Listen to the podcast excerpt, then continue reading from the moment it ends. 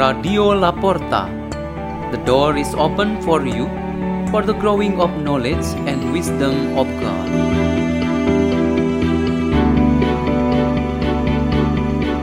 By Margaret Sembiring from St. Francis of Assisi Church, Singapore.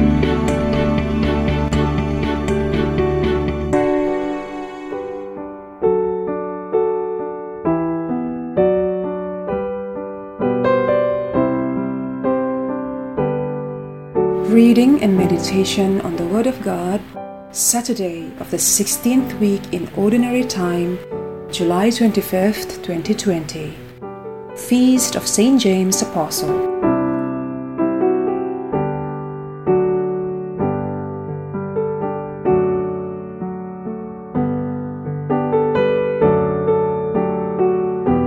The reading is taken from the Holy Gospel according to Matthew.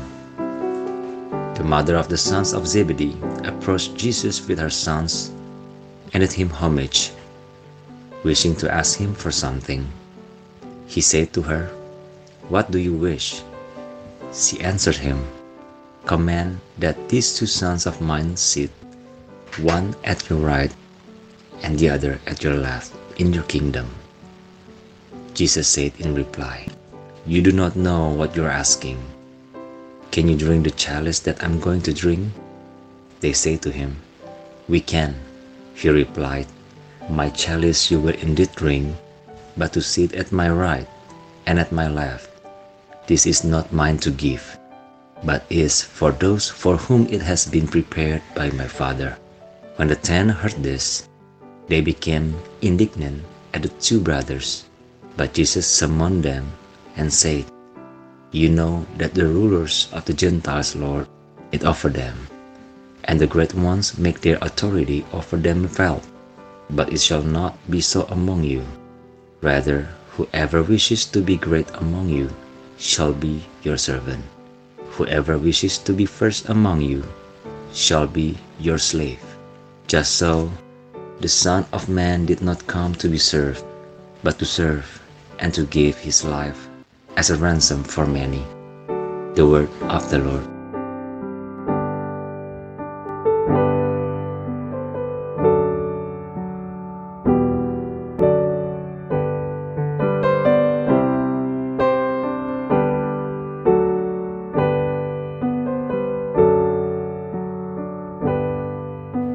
Our meditation today has the theme The Right to a Position. Let us think for a moment in the light of the following illustration. You arrived home after running an errand. When the door was opened, you immediately found a stranger sitting at the dining table, occupying the seat you normally use. And the stranger really enjoyed the dishes on your table. What were your thoughts and feelings about the incident? How dare that person entered my house without permission? That illustration describes how important and very personal a particular position that belongs to us is. We have many positions where we stand, sit, lie down, and where we are at the present moment. Our basic human rights justify the possessions that we have, especially to the places or spaces that belong to us. And there are basic human obligations to respect them too.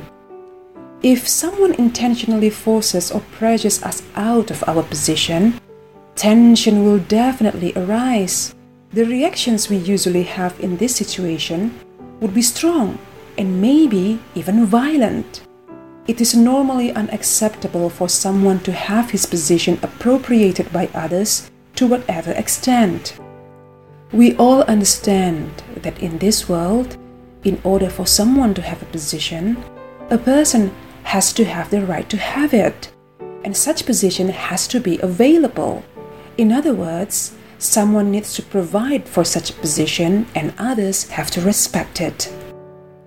Today, we encounter an example in the scripture about two apostles, namely James and John, who, with the help of their mother, wanted a special position for each of them in the kingdom of God.